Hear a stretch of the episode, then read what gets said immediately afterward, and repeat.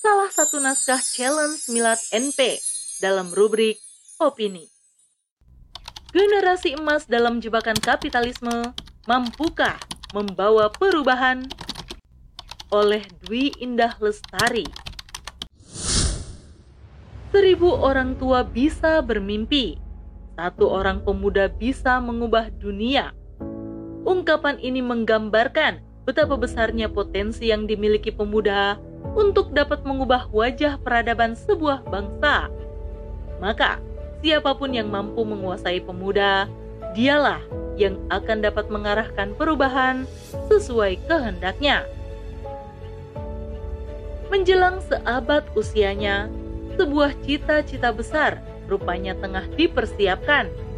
Tahun 2045 dipandang sebagai sebuah momentum emas bangsa Indonesia. Sebab pada saat itulah negeri berjuluk Zamrud Katulistiwa ini menggenapi usia 100 tahun. Hal inilah yang melatar belakangi munculnya impian dan gagasan untuk mewujudkan generasi emas 2045 Harapannya, generasi inilah yang akan membawa Indonesia menjadi bangsa yang kuat, mandiri, dan mampu sejajar dengan negara maju lainnya. Perlu diketahui bahwa pada saat ini penduduk Indonesia didominasi oleh pemuda yang terdiri dari generasi Z dan milenial. Menurut data yang dihimpun melalui sensus Badan Pusat Statistik atau BPS, pada tahun 2000 saja, generasi Z mencapai 27,94 persen atau 75,49 juta jiwa dari total penduduk Indonesia sebesar 270,2 juta jiwa. Sementara generasi milenial ditaksir sebesar 25,87 persen atau sebesar 69,90 juta jiwa jumlah angkatan kerja Indonesia pada tahun 2021 pun mencapai angka 144 juta jiwa.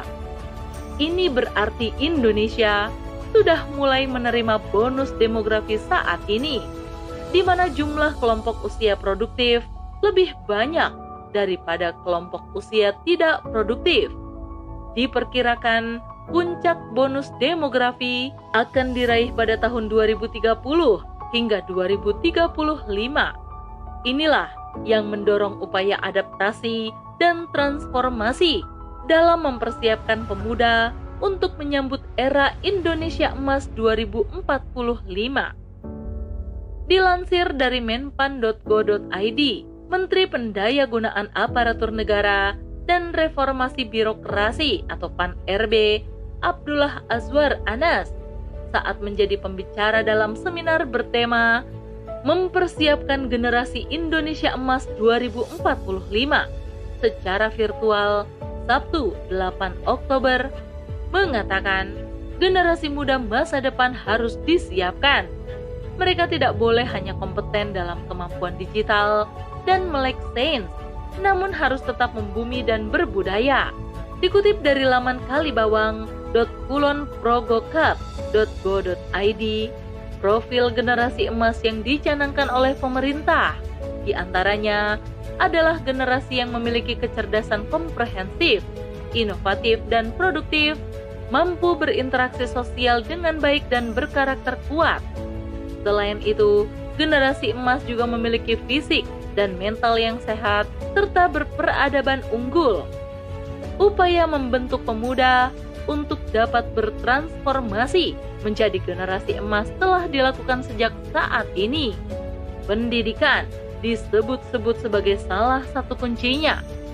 Secara garis besar, persiapan yang dilakukan mencakup dua hal, yaitu membangun karakter dan mempersiapkan knowledge and skill pemuda masa kini.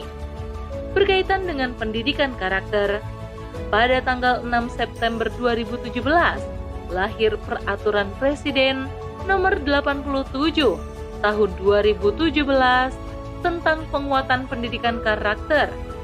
Pendidikan karakter dinilai sangat penting dalam membangun kualitas individu calon generasi masa depan. Pemuda berkarakter kuat akan mampu melakukan perubahan, bukan hanya untuk dirinya sendiri, tetapi juga masyarakat dan bangsa. Membangun karakter sangat berkaitan dengan paradigma kehidupan yang dianut oleh sebuah bangsa. Bisa dikatakan, karakter suatu bangsa akan ditentukan oleh ideologi atau sistem hidup yang diyakini dan diberlakukan.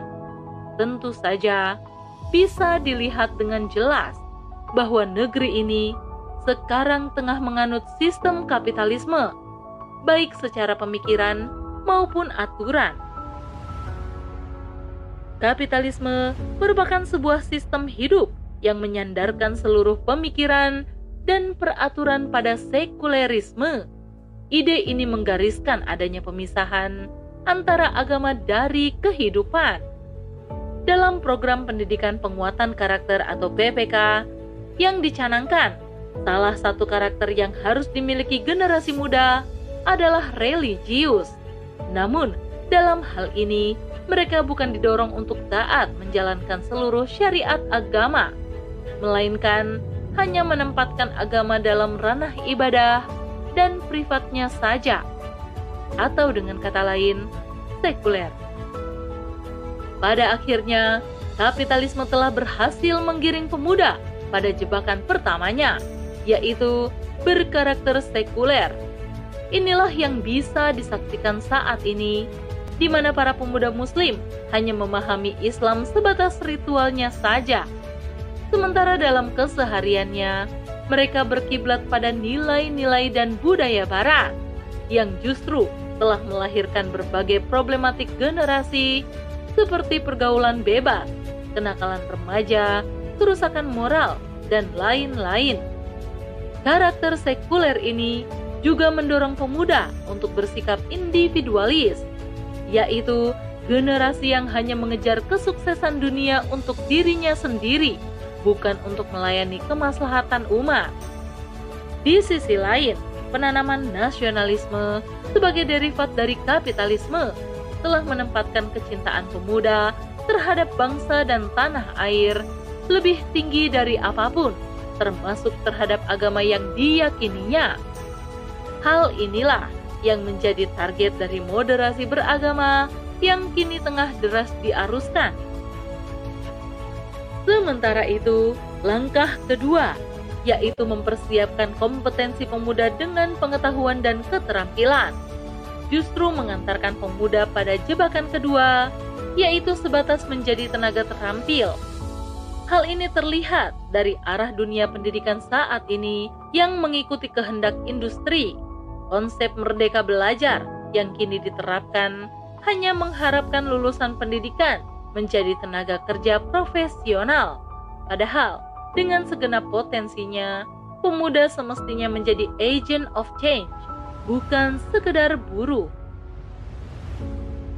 Dengan gambaran semacam ini, sulit rasanya mengharapkan generasi emas yang tercipta nantinya adalah generasi yang mampu membawa perubahan bangsa ini menuju peradaban unggul.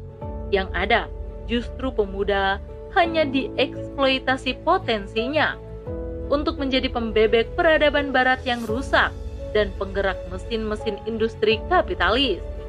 Negeri ini akan terus berkubang dalam kegelapan penjajahan sistematis oleh negara-negara barat.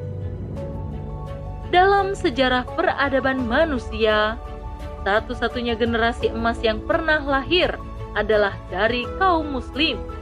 Generasi ini lahir di awal Islam diturunkan kepada Rasulullah Shallallahu alaihi wasallam yang kemudian diteruskan pada generasi-generasi berikutnya selama kurang lebih 13 abad lamanya. Selain Rasulullah Shallallahu alaihi wasallam, para sahabat menjadi representasi pertamanya.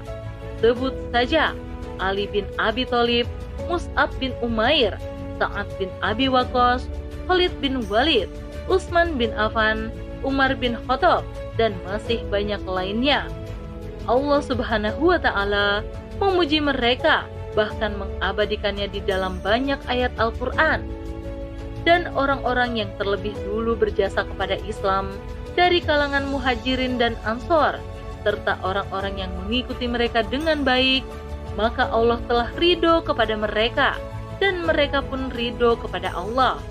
Dan Allah telah mempersiapkan bagi mereka surga-surga yang mengalir sungai-sungai di bawahnya. Mereka kekal di dalamnya selama-lamanya.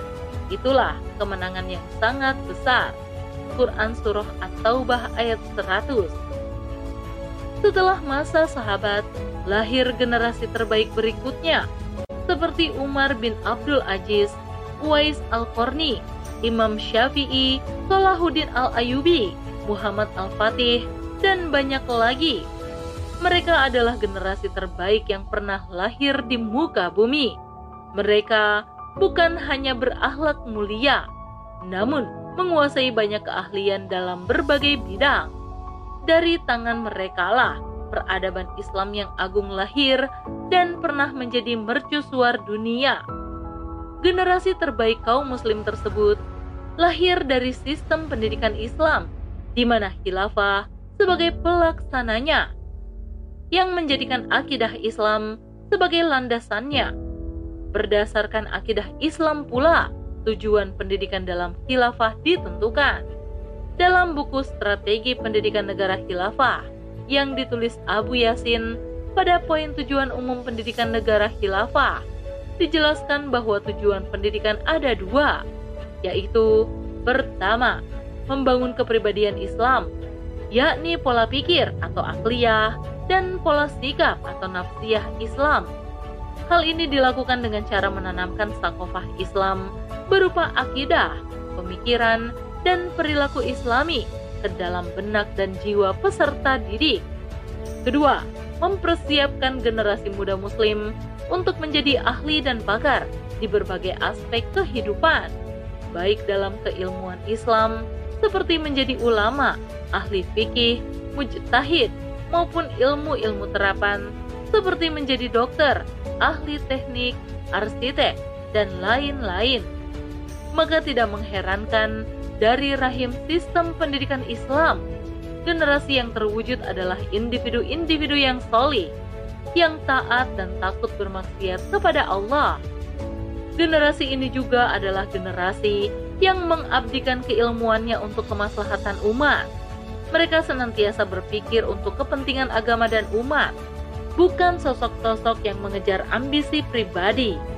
Maka tak heran, dalam sekejap saja mereka mampu menciptakan sebuah peradaban tinggi yang belum ada tandingannya hingga kini. Inilah yang semestinya menjadi profil bagi generasi emas yang ingin dibentuk.